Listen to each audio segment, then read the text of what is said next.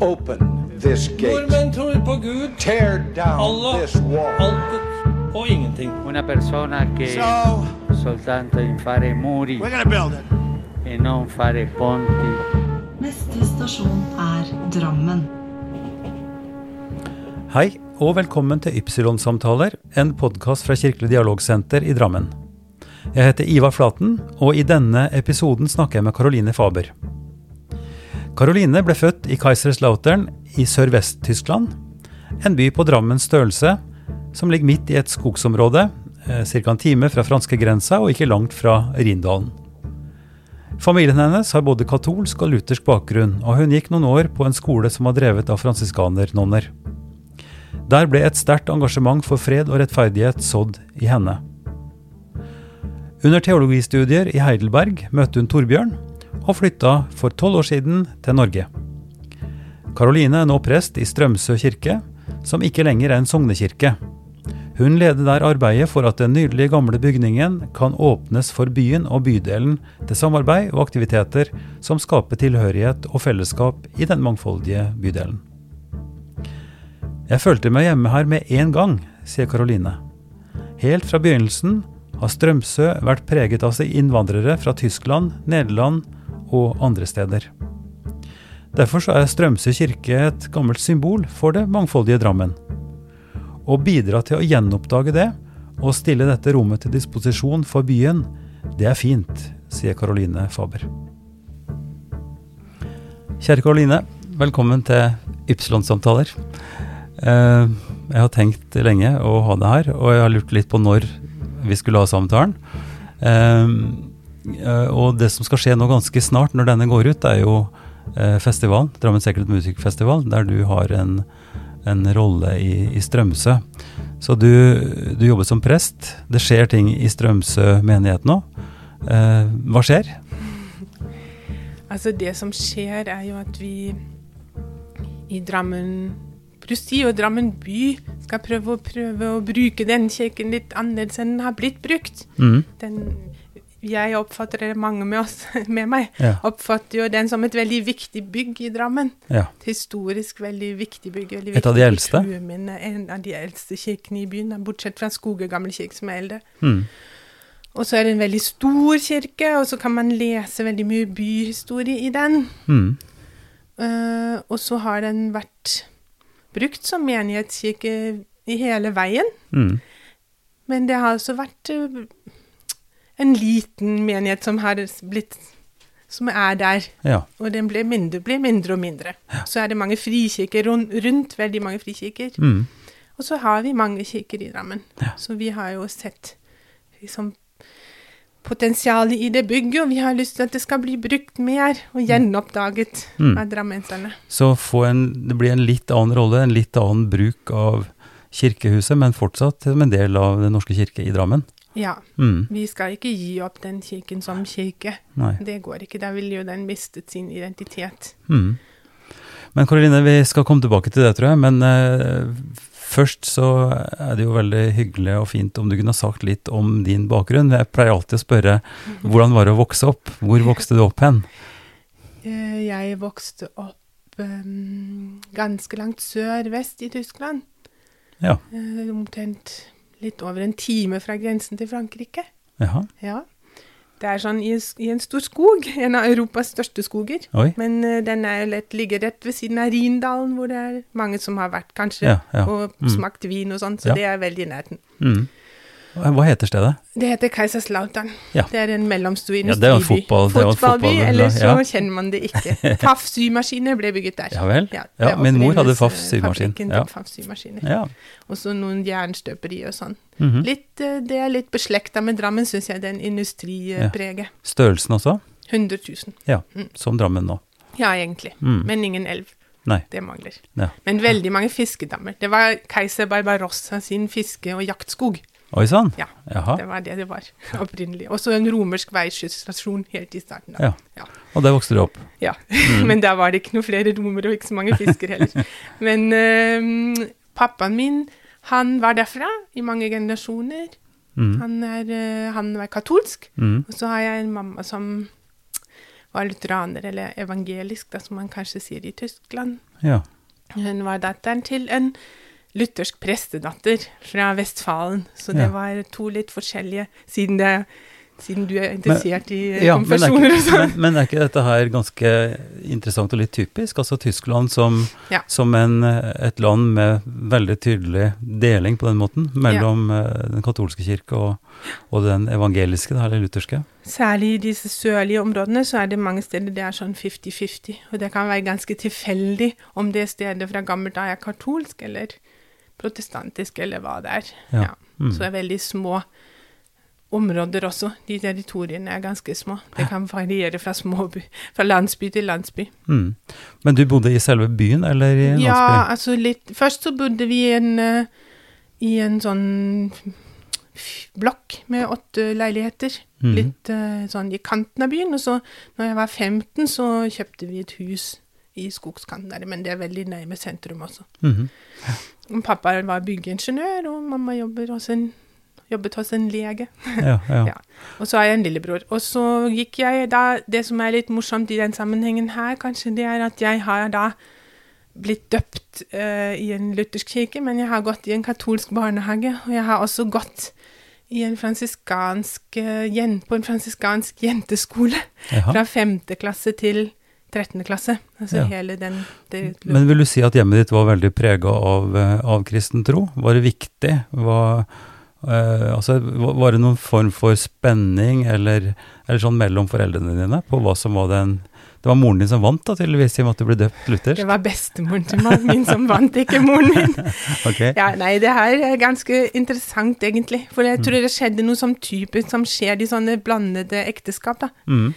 At man ikke har noe sted, egentlig. Altså, mm. De var ikke noe aktive kirkegjengere i det hele tatt. Eh, moren min er nok den som er minst kristen, Ja. på et vis, da. Mm. Så hun har vært veldig, hatt med seg mye sånn eh, Men det var en ganske sånn dannet familie, Bach og greier og sånn. Mm. Men hun falt litt gjennom i den familien, som de som ikke var helt uh, Nådde helt opp i dette dannelsesidealet. Ja. Så jeg tror hun hadde litt nok av det hele. ja. Litt sånn eh, litt fint? Skulle, skulle være litt fint? Ja, de var litt borgerlige, den familien. Ikke sant? Bestefaren min var lege, og mormoren min hun hadde studert hun hadde studert teologi. Hun hadde Ja. egentlig studert gammel filologi, da. men Ja. på slutten av krigen så studerte hun teologi og filosofi. Ja. Men hun utøvde aldri noe yrke med det. Nei, nei. Hun var veldig, ganske intellektuell. Mm. Hun har lært meg veldig mye. Ja. Ja. Men moren Ja. min og henne, det var nok litt sånn blandede følelser. Mens pappa, han var sånn ministrant som eh, guttunge. Ja. Var veldig vokst opp litt i kirken. Min Ja. farfar var sånn Som, som korgutt med kappe og Ja, hjalp og presten farfar og en sånn gikk til kveldsmessa liksom Ja. klokka seks på lørdager og sånn. ja. Mm, ja, så, men de var ikke noe aktive i kirken. Men det var litt viktig for dem at vi skulle ha med oss noen verdier, tror jeg, i hvert fall for faren min. ja. Mm. Så det var, jeg kan ikke si at ikke det var en kristen oppdek, oppvekst, mm. men det var ikke en så veldig kristen oppvekst. Men på oppvekst. hvilken måte ble altså tenker på høytider, det som preger et sånt, eh, en oppvekst, er jo at man har merkedager eller fester, og altså man gjør ting. Og Ja. hva var det du gjorde? Det gjorde vi gjorde jo, særlig jul og påske, det ble markert eh, mye hos oss med Ja. gaver og Ja. Noe av det morsomste som jeg alltid tenker på, er i jula, sant, med den der faren som var katolsk. I den katolske eukaristien så ringer man jo med en bjelle. Ja. Og det er en tradisjon som jeg ikke har sett noe her i det hele tatt. Så når jeg var liten på julaften, så var stua helt avstengt, så vi Mm. fikk ikke komme inn der. Nei. Og så når det mm, ble da klokka fem, eller? Vi hadde kanskje vært i kirken, akkurat på julaften var vi i kirken, så hadde vi drukket kaffe og spist julekaker, og så var det noen som forsvant, og så ble det tent, alle lys i den stua ble tent, og Mm. så ble det ringt med en bjelle, Ja. og så fikk vi komme inn Ja. hele den juleherligheten. Litt sånn. Bergmanns, ja, jeg eh, ja, Bergmanns var bilder. akkurat det der var veldig fint. Ja. Og så sang vi en sånn julesang, så en sånn kling, kløkken, klingelingeling, så måtte vi gi en respons på eh, den der bjella, Sånn-? Ja, ja, ja. Og det var jo ikke julenissen, men det var Kristkind som var der. Så det var en slags sånn uh, ja. tanke om at det hadde vært en annen tilstedeværelse i det rommet, da, uten Med at vi noensinne tolket det. men det var Med juletre og, og det ja. hele, naturligvis. Ja. Ja. Så det er en flott, et flott minne. Pleide dere å gå rundt juletreet? Nei, Nei. det kjenner jeg ikke til. Nei. Men vi pleide å synge julesanger. Ja. Og så var jeg nok et sånt litt sånn pådriver for ritualet allerede fra jeg var ganske liten. så det ble da lest opp bøker og sunget sanger og alt Ja. sånt. Men det ga mine foreldre alltid rom for. Ja. Ja, det var veldig fint. ja. Men du sa at du gikk på en eh, privat skole. Ja, det var en veldig stor skole, så man må ikke forestille seg at det var en liten skole. Men Ikke noe internat eller noe jo, det var fra- også delvis internat, sånn ja. til en sånn slags kostskole. Sant? Det var noen jenter som bodde utenfor byen, så de fikk uh, sove. Det var en liten sånn internatsavdeling. Men du bodde ikke der. Nei, jeg bodde ikke der. Nei. Men den skolen hadde også min farmor og min tante gått på. Oi. Så det var en slags familietradisjon. Fam familietradisjon. Ja, og så var det veldig spesielt. Jeg skjønner nå at det er veldig mye av det som har prega meg sånn som teolog og etterpå, har jeg derfra. Mhm. Ja. Eller det sitter veldig dypt. Si, si litt om det. Nei, altså det var jo da fransiskanersøstre, og de mm. underviste også. Det var ikke mange av de yngre da, så det var ikke mange igjen. Hva, hva, er, hva er det spesielle med fransiskanersøstre? Hvis du kan Eh, si det veldig kort for de som hører på. Ja. Det er jo Franza Sissi, som Ja. har liksom vært en, en italiensk eh, senere helgen og sånn, som Mm. har liksom grunnlagt noen fellesskap. Mm. Og de har spredt seg i Europa, Mm. og så noen av de forskjellige avarter der de finnes de overalt. Så Mm. dette her var Nonner, en, ikke sant? Ja, nonner. Mm. Så dette var en liten, liten kongregasjon da, som hadde stasjon i der hvor jeg bodde, og så i nord i Bayern et sted, og så i Brasil, Mhm. og så, um, jeg tror, noen flere land. Mm. Um, så de ei, og fransiskanere er ikke en sånn orden som bare sitter i et kloster og trekker seg tilbake. Nei, Men de nei. har på en måte en ideologi om å gå ut Ja. og være, bety noe i byene, da. Så de Litt, har, sånn som, eh, litt sånn som Frans, den nye paven nå. Ja. Hans eh, visjon er vel, når han tar det navnet til Frans, så har det noe Ja. med den ideologien og den aktiviteten å gjøre, kanskje. Ja, Mm. så de har jo alltid drevet sykestasjoner, skoler, Ja. vært sånne søstre i Mm. menigheter Mm. og jobbet med sosialt arbeid. Men hvordan preget dette undervisningen, da? Så, og det preget deg, som du sier nå? Ja, altså jeg tror det som var spesielt, var den sammenhengen, ikke sant. Både at det var noen som bodde på den skolen, Mm. og det var jo et avstengt område, eller det som heter klausur, da, der Mm. hvor de hadde sitt liv. Ja. Der kom jo ikke vi inn. Nei. Men det var jo et hjerte. I den skolen hadde et hjerte. Mhm. Der hvor de hadde gudstjenester og bønnetider og måltider, og, og der hvor vi av og til kom inn og ut. Mm. Og så er det særlig en Hun som var min tysklærer, som har lært meg veldig mye om språk. Hun var jo da Henne hadde jeg i mange år, i forskjellige Mm. oppover, da. Hun Mm. var jo en av disse søstrene der. Hun Mm. er prior nå, i den der provinsen. provinsen. Prior betyr leder, ikke sant? Ja. Øverste leder. Ja, så Mm. hun eh, Akkurat nå hadde jeg litt kontakt med henne på Facebook i påsken. Det var veldig morsomt. Ja, Ja. Så, så fint. hun var en vanvittig klok dame. De hadde et veldig stort engasjement, hadde et stort engasjement for menneskerettigheter. Vi, hadde sånn Amnesty-gruppe. Vi bakte kaker og, Ja, for ja, å betale ja. porto for å sende brev. Ja, så det var veldig ja. sånn direkte sånn engasjement i verden. Ja. Veldig lite sånn gransking av eh, tro, Ja. og vår tro. Ja. Men vi kunne alltid spørre, og Mm. det var alltid helt naturlig at dette, man gjør noe med det. Mm. Man samler inn penger til disse søstrene i Brasil, eller man Mm. sender porto, man sender brev for politiske fanger, eller man Mm. Ja. Så dette har åpenbart eh, satt sitt preg på deg, ikke bare Ja, intellektuelt og språklig, men, men også engasjementsmessig. Ja. Så hva, hva skjedde i etterkant, når du bestemte deg for å, å, å studere og hva du skulle bli når du skulle bli stor? Nei, og så da var det sånn at jeg drev masse med musikk i oppveksten, så jeg Ja. ville jo egentlig bli musikk- og tysklærer, da. Ja, ja. Eller det var liksom den Hva slags musikk? ideen. Jeg, jeg har sunget i kor, har Ja. sunget mye, så har jeg spilt i orkester, jeg har spilt fagott og Ja.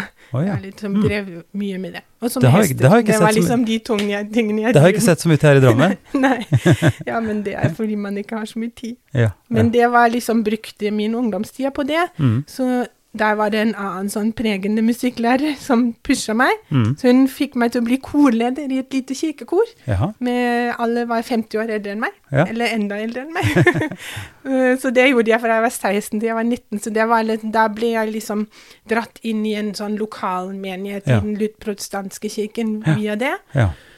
Så da var det liksom ja, musikk og språk, og jeg var fascinert av bibeltekster. Min konfirmasjonstid var ikke så veldig morsomt. Det var sånn passe greit. Mm. Men eh, det, det, og kirkemusikk var, hadde sunget i kantori Mm. mange år. Ja. Altså jeg har sunget mange av disse store verkene. Ja. Så der kom fascinasjonen for språket, og for den sånn, kulturen som var bak der. Der Ja. er mormor, ikke sant, også. Mm, mm. Så da um, Men det er jo veldig vanskelig å komme inn på musikkstudier, og jeg er ikke noe god til å øve.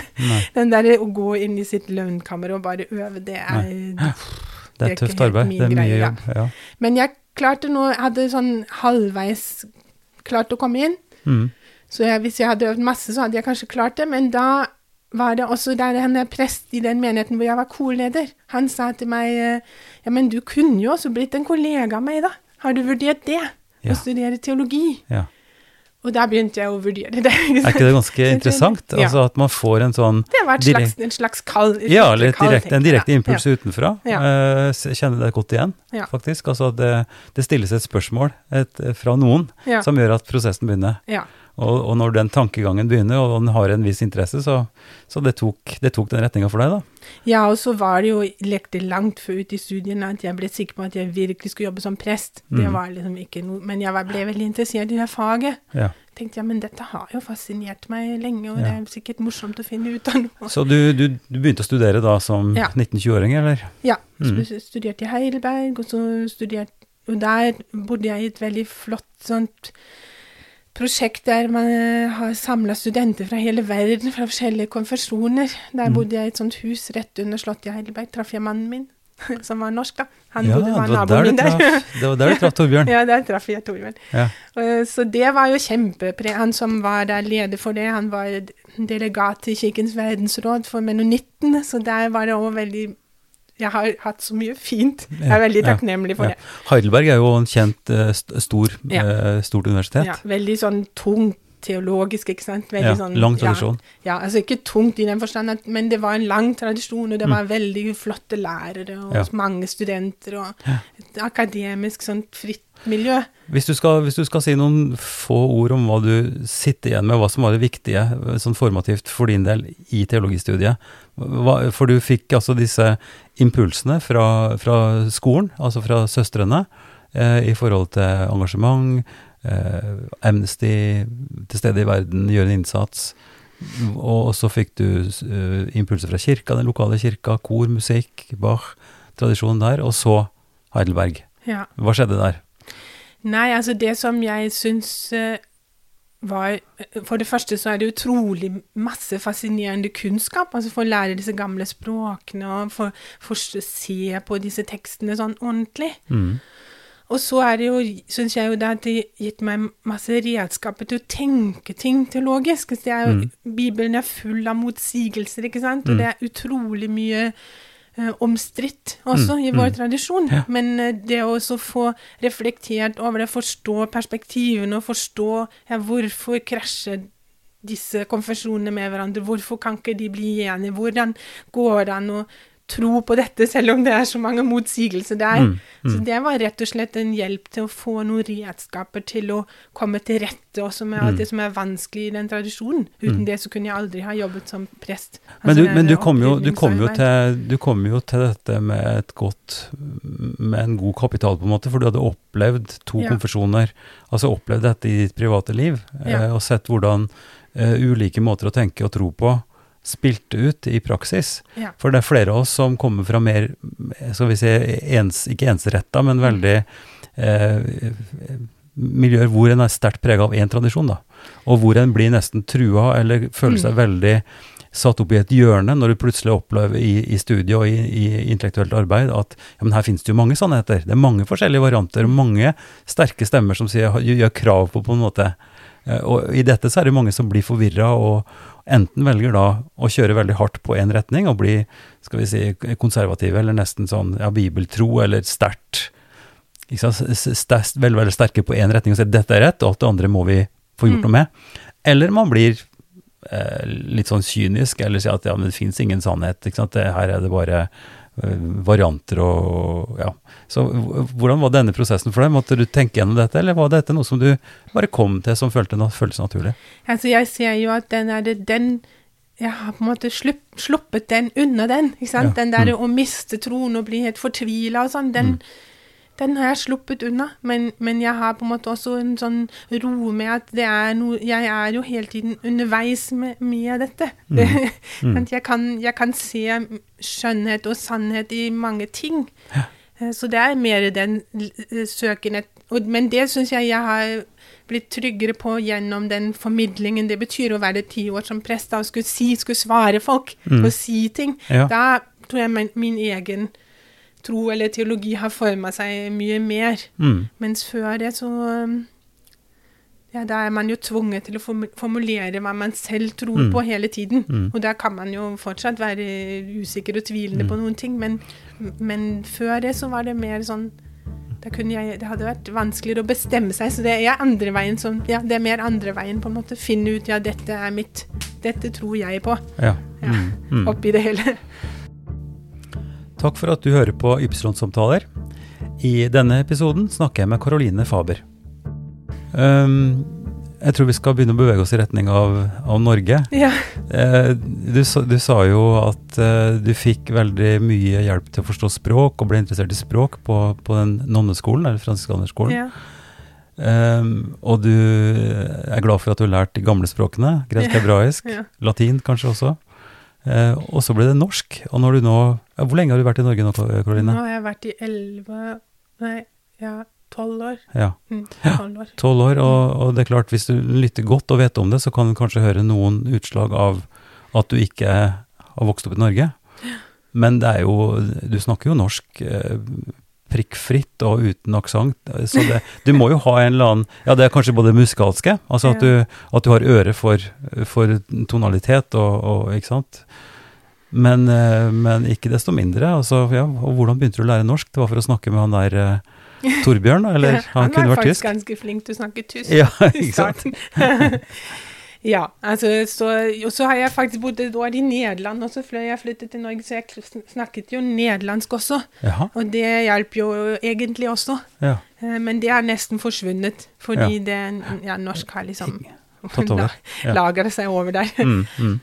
Og så tror jeg at jeg, det med det språkøre, eller hva man skal kalle det, det er rett og slett litt flaks. At jeg har fått det som en gave. At Ja, ja. det er en imitasjons... eh, en imitasjonslæring. Ja. Men mm. eh, jeg husker veldig godt at når jeg kom, og litt i den tiden før, når dette begynte å bli liksom sånn sannsynlig at jeg skulle reise hit da var jeg, jeg var et år i den tyske kirken i Oslo først, før, vi, før jeg kom til Drammen. Mm. Da tenkte jeg jo at nå må jeg bare Eller det er en sånn, sånn slags sånn lydmur som man må bryte, Ja, ikke sant. ja, Du må, jeg hørte masse på radio, og så kom jeg hit, og så er det veldig ubehagelig i noen uker, og så tenkte man at nei, nå må jeg bare snakke, og da kommer det til å gå. Så det måtte jeg jo bare gjøre. Mm. Og så var det jo ikke så Så var det ca. et år senere at jeg også begynte med de første eh, Ja, da gikk jeg praktikum da, for å Mhm. få fornorsket utdannelsen min. Ja. Og da I starten så leste jo Torbjørn hver eneste gravferdstale, og alt hver eneste preken. Alt var dobbeltsjekka. Eh, men For da var ikke jeg så veldig dypt inne i det språket. Nei. Men Nei. fake it till you make it. Det ble Ja. litt sånn. Jeg måtte ja, ja. bare. Men jeg skjønte Når det hadde gått noen år, så skjønte jeg også hvor slitsomt det hadde vært. Mm. Altså Når det liksom gradvis ble lettere, så skjønte jeg mm. hvor slitsomt det egentlig er. Mm. Skal, og jeg var veldig redd når jeg begynte, at dette her kan jeg, kan jeg jobbe som prest. Når man er så glad i språket, så blir man veldig sånn Hvis du ikke har det tilfanget som du har, du har ikke poesi, du har ikke alle de tingene som Nei. du Du må bare få sagt det selv. Ja. Men det skjerper en også litt, for man kan ikke bare skyve masse sitater og sånn foran seg hvis Nei. man ikke har den Nei. bakgrunnen. Da må Mm. man bare si det med sine egne ord, og så må Mm. man ikke si det så vanskelig. Man må si det på den måten man Ja. kan si det. Jeg syns jo det er en, en god skikk, da, for min egen del, om jeg Ja. klarer å snakke enkelt. Ja. Eh, enkelt og, og vanlig om de tingene som ikke er enkle og vanlige. Ja. Eh, for en må ha et grep på, på det og, og si det på sin måte, tror jeg. Og kanskje er det da en, noe som du ble tvunget til mer enn en kolleger som kan gripe til en kanskje litt enklere vei ved å, som du sier, skyve de store foran seg, eller bruke, bruke andres tanker litt mer. Så det Eh, har jeg gjort, den, den yrkesutøvelsen har jeg kanskje gjort godt. Eller hvis jeg tenker, av og til fantaserer jeg om å være prest i Tyskland. Det Ja. gjør man jo. Ja. Så vet jeg ikke helt hvordan det skulle gått.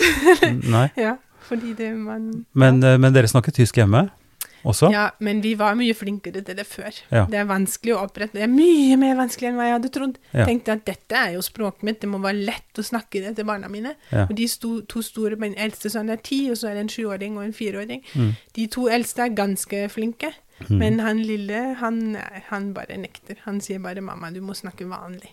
Og så sier og til 'du må lære meg tysk', da. Men når jeg snakker tysk, så sier han 'nei, mamma, du må snakke vanlig'. så der har vi begynt å sløve litt. Ja, Mm. ja. Men det her er jo et dilemma som, som interesserer meg, og, og for så vidt temaet i denne podkasten også. Hva det betyr å være tokulturell, eller ha den dobbeltheten, både i språk og, og kulturbakgrunn. Nå, nå er det vel litt sånn enkelt sagt at det er, kulturene i, i Tyskland og Norge er relativt like, men det er jo også en sannhet med veldig store modifikasjoner. Ja. Så hva opplevde du som, som den store forskjellen fra Sør-Tyskland eller Sør-Vest-Tyskland, og så, og så komme hit? Er det, er det sant det, at vi har nokså lik kultur, eller er det ikke sant? Altså, det er nokså likt, det er jo sant. Men jeg tenker at det, er forskjeller likevel. Og, og kanskje det av og til er enda mer farlig når det er sånne små forskjeller. For Mhm. da merker man det ikke så godt.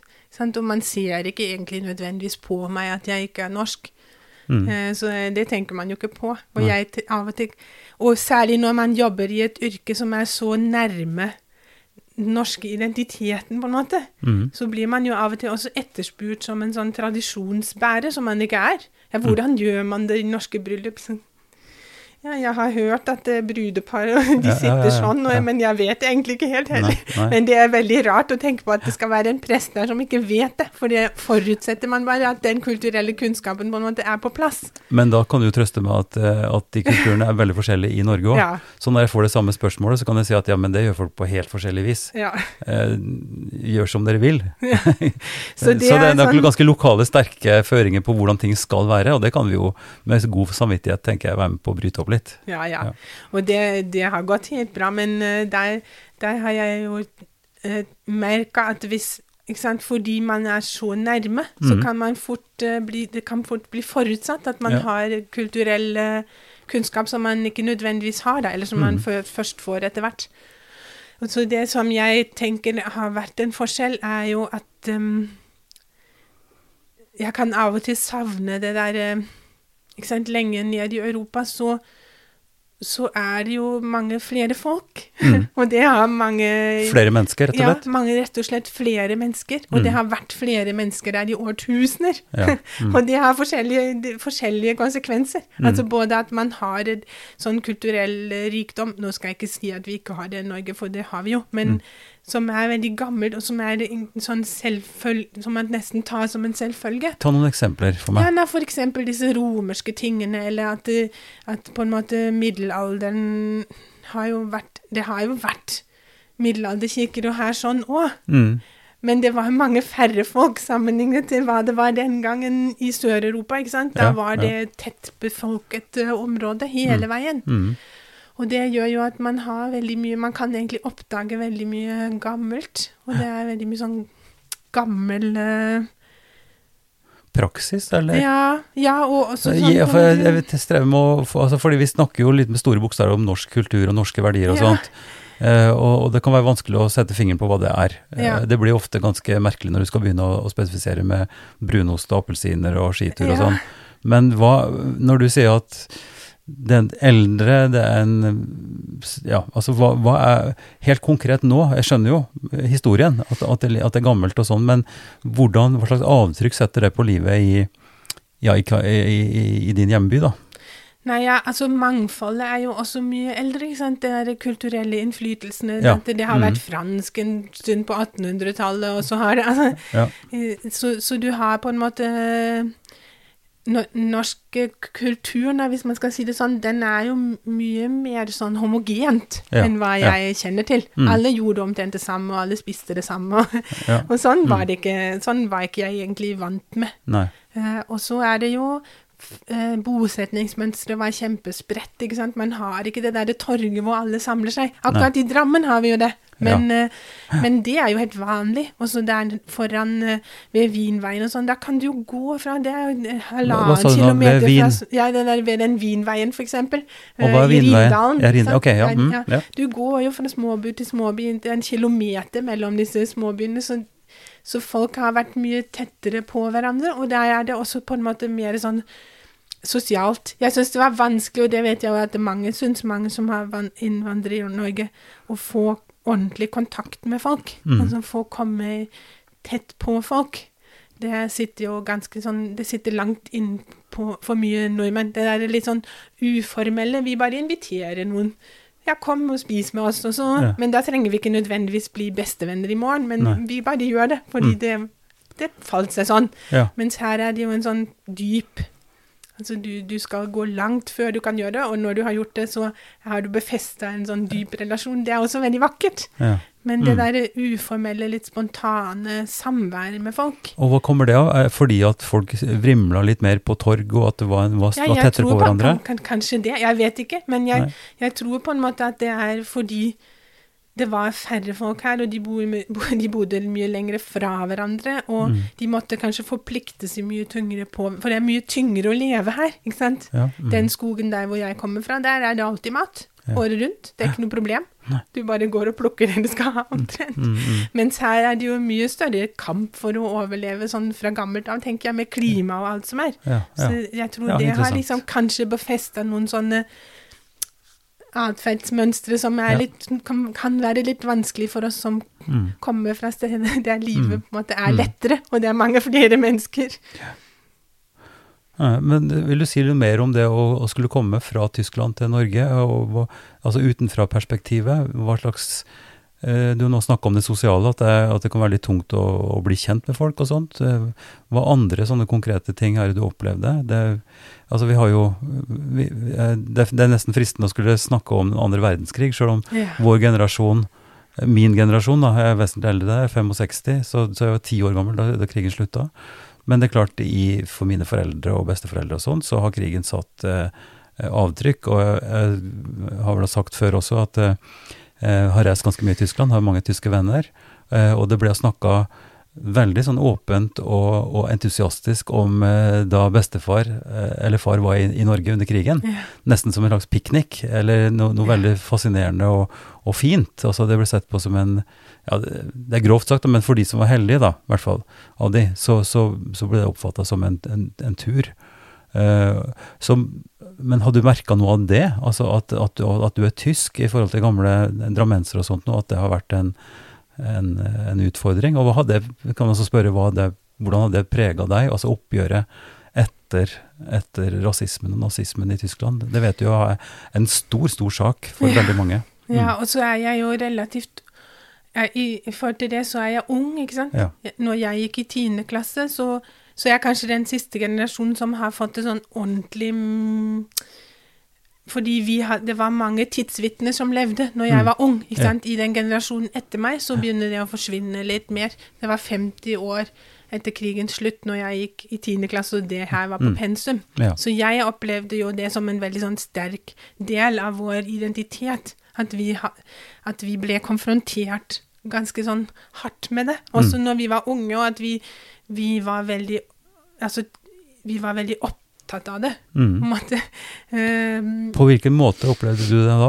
Var det, var det truende? Var det noe som var skamfullt? Var det noe som var fælt å snakke om? Altså, Altså, det var jo fælt å snakke om, rett og slett fordi det var veldig fælt. Og vi ble jo vist egentlig ganske sterke bilder, tenker jeg nå. Ikke sant? Vi, det var veldig sånn eh, Det var jo veldig grufullt. Ja. Så jeg kan huske at jeg var som da stort barn eller ungdom, at jeg klarte nesten ikke å se de bildene. Nei. Men vi så jo de. mm. Eh, ikke sant? Men vi har jo også vært en generasjon som har sett en del bilder av disse atomulykkene. og Sånn. Ja. Man var ikke så redd for å konfrontere ungdommer Nei. med det da. For Nei. man tenkte at dette må vi bare gjøre for å få dem til å forstå hvordan verden er. Mm, mm.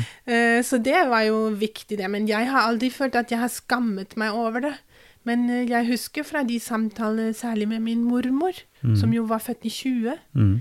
eh, at det var jo et livstema for henne. Ja. Um, og, kom, og hun kom nok aldri til rette med det. Og det var en kirkelig familie, sant? og hun var i, i, tett, var i tett kontakt med folk som eh, gikk ut av kirken og gikk i motstand, men hennes far gjorde ikke det. Mm. Så de var jo der sånn grensegjengere, ikke sant. Ja. Og det tror jeg hun Både at hun hadde selvfølgelig fine minner om sin ungdomstid, ikke sant. Når du er 13 og skal være i Hitlerjugend og ute på sånn arbeidsinnsats, og det er egentlig fin og fint og fritt, og du skjønner kanskje ikke helt En slags speiding, på en måte? ja, ja, det var jo en sånn opplevelse, tror jeg. Mm. Men samtidig så skjønner du etter hvert hva dette har vært. Også hennes bror, han var først en sånn litt sånn feiret Han var forfatter, så han skrev et sånt Først et sånt ungdomsbok som, som de ble litt sånn feira av Hitlerjugens eh, forfatter, liksom. I hvert fall det er lokalt, jeg vet ikke hvor stort det var. Men så, så kom han ut i krigen og skrev noen sånne kritiske, et kritisk, veldig sånn kritisk teaterstykke som ble forbudt. Mm. Og han var, han var storebroren til min mormor, hun var veldig glad i ham. Han mistet et øye i fangenskap. Ble sånn, eh, sånn, eh, sånn, eh, sånn Det var et slags sånn forbund for protestantisk publisistikk. Så var, etter krigen, så han ble liksom litt sånn stemme i offentligheten. Mm. Og han og balte fælt med dette her, hvordan man kunne Ja. bli dratt inn i det og ikke se hva det var. Og det, dette strevde de med. Ja. Mens min farfar var nok litt enklere. Sånn. Ikke sant? De, eh, de var nok litt skeptiske. Det var en håndverksfamilie. Han hoppet av og falt av toget til Stalingrad. Flaks for det, så han overlevde jo. Ja, ja. Så, um, men der i den mormorsfamilien var det en veldig sånn dyp eh, sånn bryting med hvordan det her kunne ha skjedd, og det ble de aldri ferdig med. Så det husker jeg veldig levende. Og vi har brev ikke sant, fra den tiden, som jeg fikk lese når jeg selv ble voksen. Jeg, Ja. Heldigvis så fikk jeg snakka om det med henne, da. Mm. Nei, for i, i, i min familie så har vi hatt noe av det samme eh, samtalen om folk som da ikke Eller som kunne bli oppfatta som om ikke samarbeidende, så i hvert fall så gjorde de jobber Ja. for okkupasjonsmakten. Ja. De hadde, hadde firmaer og sånt, de skulle leve. Og dette ble jo problematisk i etterkant. Det var veldig sterke reaksjoner ikke sant, med, Ja. i, i, i, oppgjøret til krigen Nei, som også satte, sant, som satte, satte spor, og som eh, Men det, var ikke noe, det har ikke vært noen stor sak i mitt liv, men det Og det er kanskje også eh, for din del, og for de som nå lever, at det de hvite bussene og tidsvitnene og sånt, at det er en del av det som mange ungdommer får med seg, kanskje. Eh, og så er det et- et spørsmål nå med med den økningen i polarisering og sånt som vi ser eh, både nasjonalt og internasjonalt, med her i byen med Sian som, som eh, angriper muslimer, da, og det finnes jo andre varianter av det samme, ikke sant, hvor en setter opp black, white, eh, ja, politisk eh, polarisering i, i, ja, på forskjellig vis. Det kan jeg jo huske at vi ikke sant, et, Sånn tidlig på 90-tallet, etter at muren falt, så var det et veldig oppsving av høyre radikale eh, propaganda, særlig i øst også. Mm. Så de, noen av de har jeg jo møtt. Mm. Og den der liksom avmakten i diskusjonen med de, som står for et sånn verdensbilde som er helt fullstendig uforståelig for meg, Mm. eh, det kan jeg også huske. Mm. Ja. Også, men når jeg kom hit, så har jeg jo ofte tenkt at det er interessant når kommer det et mer sånn differensiert syn på dette her i Norge. Eller sånn. Jeg tror, ja, for jeg tror kanskje at det er, det er jo liksom noe uten å skulle rose seg av Tyskland, men jeg tror det er noe man nå etter hvert har fått til. Et sånt, at man ser hele, alle sjatteringene. Og man ser forbrytelsene, og man ser uh, skylden som man har på en måte ja, tatt på seg, eller ja, lagt på seg. Ja, mm. Og så ser man også ofrene som Altså man ser også hva man har tapt, og, man, og, og det er ganske blitt Og man har hatt en sånn fornyet eh, blikk på den generasjonen som er født på slutten av krigen, og som egentlig har båret traumene til sine foreldre videre og videre. ikke sant? Og nå er det ganske sånn differensiert. Mens når jeg hører 8. mai-tallet her, så er det fortsatt veldig den Man er fortsatt veldig i den offerrollen, da, tenker Ja, jeg. Og den er jo sann, og jeg skal ikke stå her og si at det ikke var sånn. Nei. Men jeg tenker at det òg er en sannhet med modifikasjoner. Og der er det mye grå, grått som ikke er Ja. man har fått frem ennå.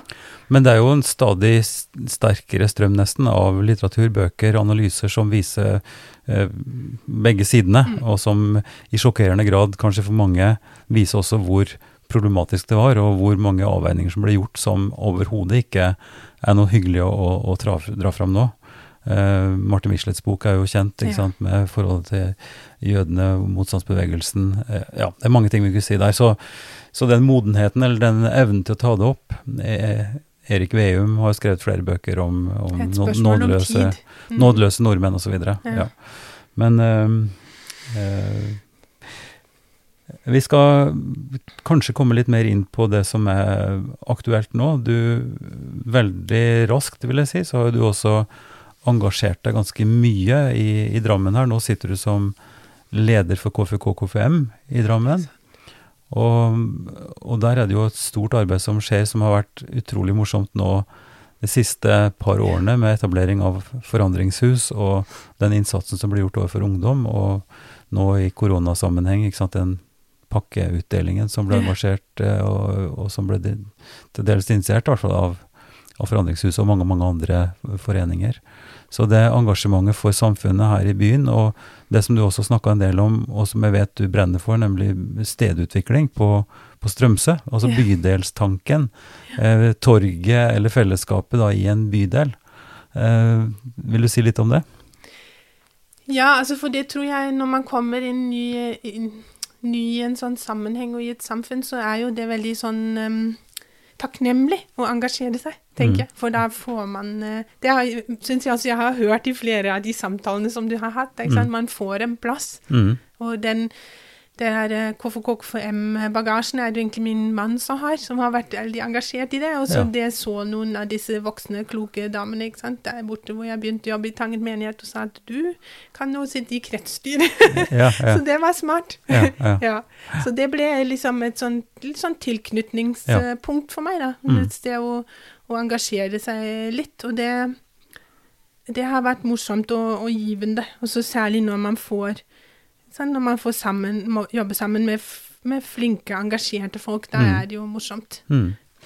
Og så mm, det med stedsutviklingen er jo også litt sånn hjemmetema hos oss, fordi Ja. han em, som jeg er gift med, er sånn samfunnsgeograf, så Ja. han har veldig dette har alltid vært morsomt for oss å snakke om det. Jeg tror Ja. at jeg har, på grunn av den der litt blandede familiebakgrunnen, og at jeg har sett litt forskjellige miljøer, så har jeg en sånn varhet for, eh, for distinksjoner, kulturelle distinksjoner. Mm. Ja. Og det har han òg. Så Mm. det er noe sånt som vi liker å snakke om. Mm. Så derfor så, så er det med stedsutvikling har jeg hørt mye om, og så fått liksom forståelse for. Og derfor så har jeg hatt veldig det blikket når jeg gikk inn i den jobben som prest, og Strømsø er et veldig spennende sted. Mm. Og det ser vi jo ganske tydelig, egentlig, at det er mange stemmer som sier det. Kan du ikke, eh, før du går videre på det, si litt om de jobbene du har, for du, du begynte i Jeg begynte Tangen? som kapellan i Tangen kirke, som er liksom lokal, mye lokal menighet. Ja. Ja, litt Mm. lenger ut ved elva. Som, Ja. Der hadde jeg ansvar, for barn og unge og konfirmanter, og Mm. var mer liksom på å drifte norsk ja. menighet. Ja. Og lærte jo mye av det også. Hun lærte mye av barna. Og, ja. og så når, etter at jeg hadde vært der sånn i nesten ti år, så Da, da var du sammen med Anne Grete Listrøm, ja, ja. mm. som var i de første årene. Og så Mm. etter hvert så, ja, så kom det, var det Marit som var min kollega. Mm. Um, ja, det var jo veldig bra å ha Anne Grete der, ikke sant, som hadde vært der lenge, som kjente den sammenhengen veldig godt. Som også var et reflektert menneske å Mm. spille ball sammen med. Ja, ja, Ja. akkurat. Mm. Um, så ble jeg da prest på Strømsø for tre år siden. Og det er nok også fordi det kirkerommet har fascinert meg lenge. Det kan Mm. jeg huske at jeg kom inn der og tenkte wow, det var et fantastisk kirkerom. Bare vi kunne ha fått vekk noen av de benkene. Eller sånn. Er Eller veldig sånn- søylene, vil jeg si. Søylene, ja. Så det, det Ja, jeg vet den har en fascinasjon på Utover en sånn fascinasjon på Mm, meg, den kirka. Og den er jo omgitt av eh, gamle Ja. graver som også har link til Europa, i ja. grad. Så jeg ser jo det etter hvert som jeg så, så ser man jo de kulturelle forbindelsene som var. Jeg har bodd en god stund i Hamburg også, ikke sant. Mm. Jeg tenker ofte på Altona, Hamburg, Altona når jeg er der, og det er folk som ligger på den kirkegården som er derfra. Ja. Så det er ikke noe lenger enn det. Nei. Fordi det Mm. var sånn så viktige handelsforbindelser at dette her er veldig sånn europeisk, kan du si da. Ja. Eller ja, det er der hvor Norge var ja. koblet på resten av, av den litt mindre verden, som var den store verden den gangen. Ja, ja. Hvor trelasthandelen og alt sånt som kom inn og ut. Mm. Gruvedrift og i Ja. Kongsberg og mm. Ja, så det er jo litt gøy egentlig at jeg har havnet der. Eller jeg tenker, der er det lett å føle seg hjemme når man, kom, når man er fra, eh, fra et annet sted selv. Ja, ja. Mm. Mm. Så, så, så er Strømsø jo en bydel med store utfordringer, men det er også utrolig mange folk med masse ressurser som Mm. har bosatt seg der, og den blandinga er veldig spennende og morsom. Takk for at du hører på Ypsilon-samtaler. I denne episoden snakker jeg med Caroline Faber. Men, eh, men si litt om hva du tenker da om, sammen med Torbjørn som byutvikler, eller som samfunnsgeograf, og hva er, hva er drømmen din for, eh, for en bydel som Strømsø? Rundt kirka, i dette eh, altså med alle mm, forsamlingshus der, både av kristne konfesjoner og ulike muslimske grupperinger. og Eh, Og nå har det jo kommet et, et, et kommunedelssenter der også, Uh, som er relativt nytt, da, men, eh, men hva, hva er det du tenker Og, og kunstnerkollektivet like ved sida der? Altså, jeg tenker jo at um, jeg, jeg, Det som jeg har merka helt tydelig de siste tre årene, er jo at vi er mange som, som ser det. Som Ja. ser liksom skjønnheten og potensialet i det. Mm. Og som, um, som blir hver gang vi møter noen nye som ser det, så blir vi liksom positivt overraska. Ja, Fordi vi ikke helt regner med det, kanskje. Kjenner hverandre igjen litt? Ja, ja. Ja, Ja, ja, ja. Mm. Og så er det jo en i og med at man også har de sosiale utfordringene man har, og veldig mye utleieleiligheter, så, så er det en sånn anonymitet som på en måte er et problem. Mm. du vet, det er mange mennesker der også. Det er mye som ikke klarer, klarer seg, rett og slett. Mm. Ja. det er utfordringer med psykisk helse, og det er utfordringer med økonomi, og det er, eh, det er ensomhet, og, og alt som er. Mm, Det, mm. det er utleie heier, på en måte, som tjener veldig mye på å leie ut disse leilighetene, og folk som nesten ikke har råd til å betale leiene og alt det der. Ja, ja. Mm. Eh, så det jeg tror at det fins et sånt ønske om å bryte litt den anonymiteten. Mm. Hvis man kunne fått til det eller Nå har vi satt i gang sammen med Knutepunktet jobb med bydelsnettverk. Det, på slutten av august skal det være det Ja. første møtepunkt. Mm. Og jeg vet at mye av dette har man også gjort på Fjell, men, eh, men det har vært veldig lett, sier Thea fra bydelen, å engasjere folk i det. Altså Folk er bare Mm. sånn Ja, ja, endelig, vi kommer. Ja, ja, ja. Fordi det, det er et behov, behov for det. Og så blir det jo spennende å se hvorvidt man også da klarer å få med seg ja, de eh, kulturforeningene og moskeene og de som heller ikke jeg har så mye kontakt med, ikke sant? Ja. Mm. Nei, det Eller om det bare er de unge norske ressurssterke som vil eh, henge sammen Ja. mingle sammen, det vet vi jo ikke Ja. helt ennå. Nei da, det er, en, eh, det er jo et pågående arbeid og en, eh, en utfordring som, som jeg ikke tror tar, tar slutt. Fordi at en må, en må finne Jeg tror det er en link mellom å finne likesinnede, altså personer som ser, ser det, og som kan tenke seg å jobbe med det, men som har forankring et sted og kan få med seg noen flere. Ja. For det å få til sånn ang blokk, at plutselig alle skal koke sammen på et, eh, et torg og, og bli én stor happy familie, det, det vil jo ikke skje, naturligvis. Så det må Selv være noen vi som går foran. opplever jo det én gang i året, kanskje med den Globusfestivalen og sånn. det er Vi sant. Og der har det jo oppstått mye begeistring rundt. Ja, i høy grad. Men om ja. vi kunne klart å overføre det mer i en hverdag, ikke sant?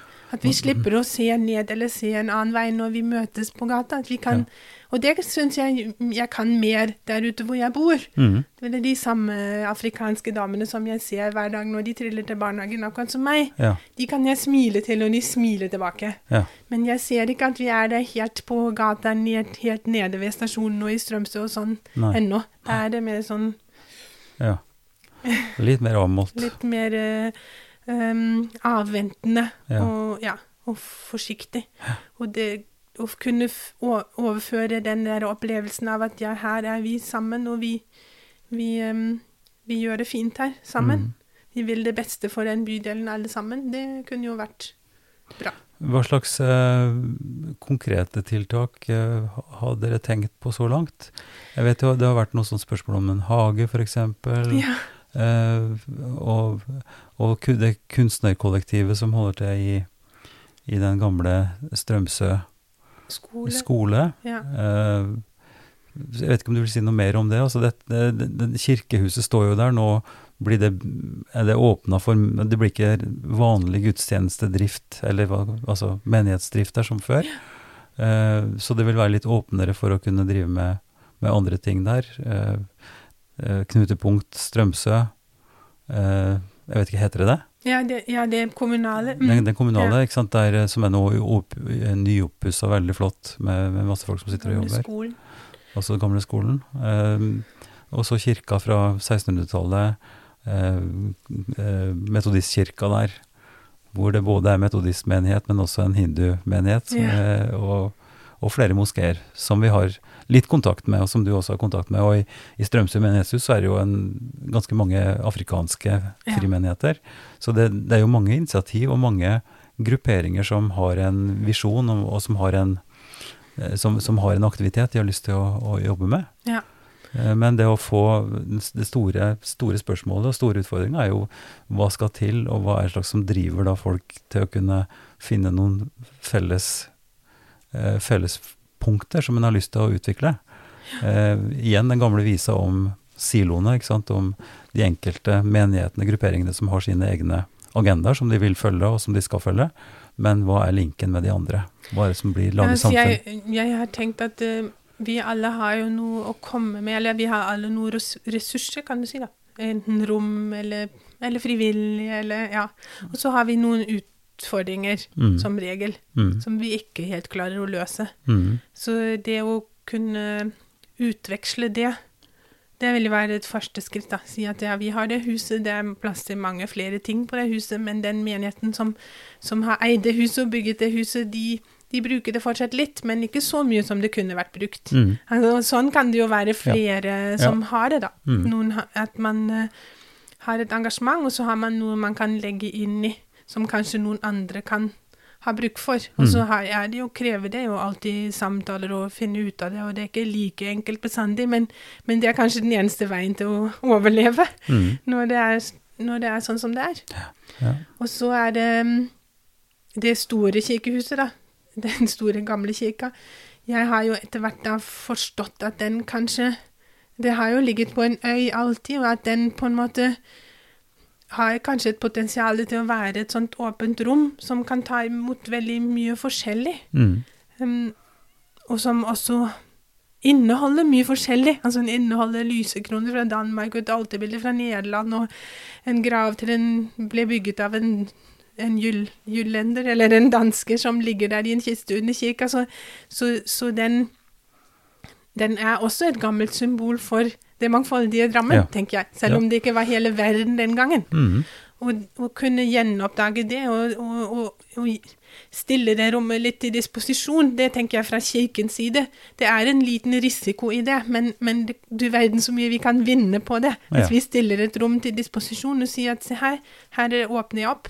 Her kan du komme inn, og du kan sette kunsten din inn der, du kan ha musikken din inni der, men du kan regne med at det skjer noe med tingene dine når de kommer inn i her, fordi Mm. det er et gammelt hellig rom, men det er såpass eh, åpent at du hvis du risikerer litt, og vi risikerer litt, så, Mm. Ja. så kan det bli spennende å se hva Mm. som oppstår da. Mm. Så det er jo det som vi har begynt litt på, og som jeg tror mange også syns er spennende, og som vi ikke gjør i så mange andre kirker, selv om vi har mye åp åpne menigheter som, Mm. som er åpen for at kirka er brukt forskjellig, men så er, kan vi spisse oss på det kanskje på det stedet. Vi har jo sett eh, noen gode eksempler. Du nevnte Altona, Ja. eh, hvor eh, kirkebygget har blitt fristilt til å kunne få en veldig tydelig profil, om det nå er meditasjonskirke eller også i, Danmark med, med ukirke, en ukirke, eh, som, som drives eh, veldig tett på lokale initiativ, hvor man i prinsippet ikke gjør noen ting hvis ikke det er noen utenfra som vil gjøre noe ja. sammen med en. Og det, det er jo sånne tanker som jeg tror eh, vil være veldig interessante å, å følge videre. Eh, og nå når, når eh, denne podkasten kommer ut, så er det jo ikke veldig lenge til vi skal starte Drammen Sacred Music Festival. Og dette året som har vært veldig prega av koronavirusrestriksjoner, og også vil prege oss videre fremover, gjør jo at f.eks. Globusfestivalen, som du hinter til som det store kokende midtpunktet en gang i året på, på Strømsø, vil jo ikke kunne gjennomføres. Nei. Og den litt mer folkelige, eller skal vi si, eh, musikk- og eh, ja, Elvefestivalen, den er også kansellert. Eh, Drammen Secret Music Festival, den er jo en liten intimfestival, så vi tenker jo kanskje at det, de utfordringene vil være vår styrke. At vi kan holde på de små formatene og, og møtes til, til forskjellig. Så, eh, og der har, har vi jo hatt et samarbeid gjennom nesten alle de, ja, si alle de ti årene som festivalen har gått før. Det må bli ellevte gang. Eh, Hva tenker du er Strømsø kirkes styrke da i møte med, med festivalen? Hva tenker du nå i denne festivalen? Vil du si litt om hva vi skal gjøre der? Det er jo gøy at den kirka har blitt så prominent i den festivalen de siste årene. Mm. For det har jo blitt et av de stedene hvor det skjer Mm. mye. Ja. og, og det vi opplever er jo at det er for det første et veldig stort rom. Så er vi utstyrt med veldig bra sånn tekniske fasiliteter, takket være en kollega som er en ildsjel for det. Ja. Mm. Som gjør at vi kan eh, gjennomføre da seminar på onsdag med over 100 deltakere antageligvis, ikke sant? Sånn at eh, vi kan, vi kan gjennomføre en form for bespisning i kirkerom, og mange sånne ting som ikke nødvendigvis lar seg gjennomføre i alle kirkerom, Mm. som gjør at det kan brukes på mange forskjellige måter. Og så i fjor hadde vi jo også den um, opplevelsen med den meditasjonsnatten, og det gleder jeg meg også veldig til. Det er også veldig spesielt. ja. At vi, der har vi jo gjort akkurat det. Vi har liksom åpnet opp og sagt at ok, vi har, vi har forskjellige tanker, Mm. forskjellige praksiser, men vi gjør det sammen. Vi si- gjør en erfaring sammen. Jeg kan jo si litt om eh, inspirasjonen der, for det, den kommer fra Trondheim, fra Nidarosdomen og Petter Myhr og Olavsfesten, hvor de de siste årene har åpna eh, katedralen for, for eh, meditasjon og, og et, et helt åpent rom der folk kunne komme med yogamatter og, og, og være da i, i et rom som, som rommer mye. Ja. Og den visjonen den tok vi jo hit, og, og vi prøvde det i fjor. Og, og du sier at det var Jeg ble jo liggende syk. Ja. Så jeg fikk ikke med meg noen ting, men, eh, men at det ble en sterk og god opplevelse som vi skal videreføre nå. Yes, vi var overraska litt over at det var over 60 mennesker som var innom den natten, selv om vi, vi hadde ikke markedsført noe sånn helt ekstremt mye heller. Nei. Og så ble det en sånn veldig fin eh, veksling. Vi på en måte hadde forskjellige innganger til meditasjon, og alt var ganske sånn ordløst. Vi hadde en sånn sunget kveldsbønn, men den har jo ikke samme appell som en forkynnelse, da, eller Nei, en nei. tale, men den òg er jo sånn litt sånn på grensen mellom Mm. ord og bare klang. Mm. Og det tror jeg folk eh, opplevde som fint. Mm. Mm. Så har vi noe som 20 stykker omtrent som sov hele natta. Ja. Men- men det- Men dette er jo et spørsmål som aktualiserer det vi starta med, forholdet mellom sannheter og forholdet mellom pregede rom. Noen vil kanskje kritisere festivalen for å si at den blir for kristelig, altså at det skjer et eller annet som, en, som ikke er åpent når man går inn i et kirkerom. Ja. hva hva tenker du om det? Kan vi med, med, med full rett si at dette er et helt åpent rom, og at dette er et rom som også vil kunne møte ja, ateister, eller, eller altså, hva, hva en måtte ha for slags ideologi eller, eller mangel på sådan. Hva tenker du om det? Hva gjør, hva gjør eh, den gamle Strømsø kirke med de som kommer inn der? Altså, det er jo et sakralt rom som er veldig tilbakeholdende i sin form, da. Så det er på en måte en styrke hvis man Den, har veldig, den er veldig lys, den har veldig lite sånn eh, kirkekunst, egentlig bare et stort alterbilde. Mm. Så det gjør at den er relativt eh, åpen i Mm, sin form. ja. Det har jeg også fått tilbakemelding på, ikke sant. Av folk som kommer der for Ja. å søke sin egen stillhet. At her er det ikke så veldig eh, tungt som Nei. noen kirke kan være. Men det og blir jo fortsatt et kirkerom. Så Ja. det, det er jo et rom som er prega av den troen og den tradisjonen, og det vil vi jo ikke ha Hva med det motsatte heller. perspektivet? De som kritiserer festivalen og oss som driver, driver med sånt, at vi, vi gjør kirken uren. med å trekke inn Ja. eh, folk som eh, Jeg syns det var spennende i fjor med den eh, Klart, den konserten som den meditasjonsnatten begynte med, den, den var jo veldig sånn nøytral, da, hvis man skal bruke de ordene. altså, Så det var bare musikk, meditativ musikk, ja. piano og trompet. Ja.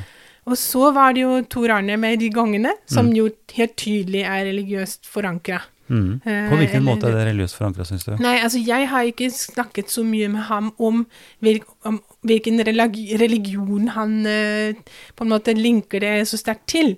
Men det er helt tydelig at det er en opplevelse av hellighet. Ja. Og Mm. at det er en, en, en tro på at den klangen som disse gongene uh, sender ut i rommet, har en kraft som virker på de som er til stede. ja, og folk som er der, tar imot Mm. dette som Mm. en Som en kraft, som en energi. opplevelse. Som en kraft, ikke ja, sant. ja, mm. Akkurat sånn som noen tar imot nattverd, når jeg deler ut nattverd som noe som, som er mat Er sjel dette, sjel er dette problematisk? Eh, Har de som vil kritisere oss for å gjøre et innviet rom til kristen eh, gudsdyrkelse, er dette en type gudsdyrkelse? Dette spør jeg om fordi at jeg har jo så klart en mening om det, og Ja. har fått den veldig tydelige kritikken på at dette, dette blir feil. Hvis kirken skal være for kristen kultus. Jeg Punktum. merka jo at jeg tenkte jo mye over det i fjor. Ja. Jeg tenkte, men jeg tenkte både at klang Uh, er noe som vi har i vår egen tradisjon, Mm. med kirkeklokker og alt som er. Vi bruker, Det er et medium som vi bruker. Mm. Og så er det, var det helt tydelig at hensikten var å gjøre folk godt med den klangen. Ja. Og da tenker jeg det er viktig for meg. At vi ikke at, Og så er det jo Så er det på en måte ikke heller en sånn um, form som krever uh, ubetinget liksom tilsnudling eller tilbedelse eller et eller annet Nei, annet. Av mm, de mm. som er til stede. Man kan bare ta det imot som noe som gjør godt, og, og så blir det ikke noe videre. Men jeg merker at Jeg merka, når vi kom litt lenger uti i fjor, at da tenkte jeg nei, jeg syns det er fint å synge en sånn kristen kveldsbønn i dette her, Mm. for at ikke vi skal abdisere helt fra det rommet. Mm. Og det handler ikke om å men det handler om en slags balanse, om Ja, å si at dette her er også vårt hus, Mm. og vi har også noe i vår tradisjon Mm. som gjør godt, eller som an, Ja. er en, en invitasjon til meditasjon. Mm. Og, og ikke, tenk, ikke, ikke tenk om oss at ikke vi har det. Mm, Så det ja. merka jeg. At det trengte jeg, og det var godt. Og- Eh, men det er For å holde sær- det liksom i balanse. Eh, Vi går mot slutten nå, men jeg syns jo det er et sånn veldig godt statement, fordi ingen dialog, ingen samtale kan foregå hvis man ikke har et utgangspunkt, hvis man ikke har et ståsted. Og, og den kristne kirka og, og vi kristne har naturligvis et ståsted. Ja. Eh, og vi har sanger, og vi har kultus, vi har eh, måter å, å leve på som vi holder for rett og godt og sant. Men festivalen er jo i sin karakter gjestfri Ja. og åpen, og skal invitere til den type møter som gir en risiko. I den forstand at man risikerer å bli eh, eh, skal vi si, gre grepet og fascinert, Ja. og også eh, kan lytte så, så man går ut ifra det, og da ikke i negativ mening, men går ut forandret. At man har fått noe, man har gitt noe, og så ser man kanskje verden på en litt annen måte. Og jeg, ikke sant, jeg trenger ikke å drive ut den der andre ånden som kommer inn. Jeg trenger ikke å eh, heller intellektualisere alt i en diskusjon, men jeg kan jo kjenne på hva gjør det med meg, og så kan jeg si at dette rommet er så stort at det tåler det, uten at det blir ødelagt som et kirkerom. Ja, mm, Det er jeg helt sikker på. mm, Og så kan vi, eh, kan vi kanskje ha en dialog om det, men hvis ikke så har vi bare en erfaring Mm. som vi tar med oss videre, og som jobber i oss mm, da, som har vært med på det, Ja. med ulike innfallsvinkler og ulike bidrag, Mm. og som jeg tenker er verdifull. mm. Uh, og vi har prøvd å gjøre hverandre godt med det Ja, vi har ja. kommet inn i der. Og det var kanskje det, det, det viktigste for min del, at det som er godt, og det som eh, en ønsker av et fullt hjerte å bidra med fordi man er opplevd, har opplevd og, og er grepet av det og vil formidle, at det er noe som også i, i, i dyp forstand har med, med gudsmøter og menneskemøter å gjøre. Og det er jo det vi vil med denne festivalen. Og så må vi holde rommet åpent ved å ikke ta over. Det tenker jeg er øvelsen, ikke sant? Ja. For alle oss som er begeistra for noe som vi har erfart. Ja. At uh, hvis jeg nå tar helt av, Mm. og vil um, få deg til å bli en av meg, ja. en av mine, Mm. så, så um, forlater jeg Da stenger jeg igjen rommet. Det Mm. bruker de mye, vår frue, den der argumentasjonen om det åpne og stengte rommet. Ja. Vi skal ikke stenge rommet for hverandre. Nei. Vi Nei. skal, det skal være såpass uh, um, åpent, Mm. og jeg må holde meg selv såpass mye tilbake Mm. at jeg kan holde rommet åpent Mm. for den andre. Så det blir, Karoline, din jobb eh, som leder for, for Strømsø kirke nå i årene som kommer, og holde det rommet åpent, og, eh, også for festivalen eh, i de årene som kommer. Så da tror jeg vi avslutter samtalen med det, og så sier jeg takk for, takk for en fin samtale, og lykke til med utviklingen av, av Strømsø kirke, og velkommen til festival, får vi si. Yep. Takk for at du lytter. Mer informasjon om oss og hva vi holder på med, det finner du på www.ypsilonsamtaler.no. Der vil du òg finne en kort presentasjon av alle samtalepartnere og lenke til episodene. Abonner gjerne på Ypsilon-samtaler i din podkast-app. Vi er veldig glad for tilbakemelding og forslag som du kan sende til Ivar, krøllalfa, kirkeligdialogsenter.no. Podkasten er støtta av Drammen kommune, Barne- og familiedepartementet og Einar Juels legat. Ansvarlig utgiver er Kirkelig dialogsenter Drammen, med daglig leder Ivar Flaten.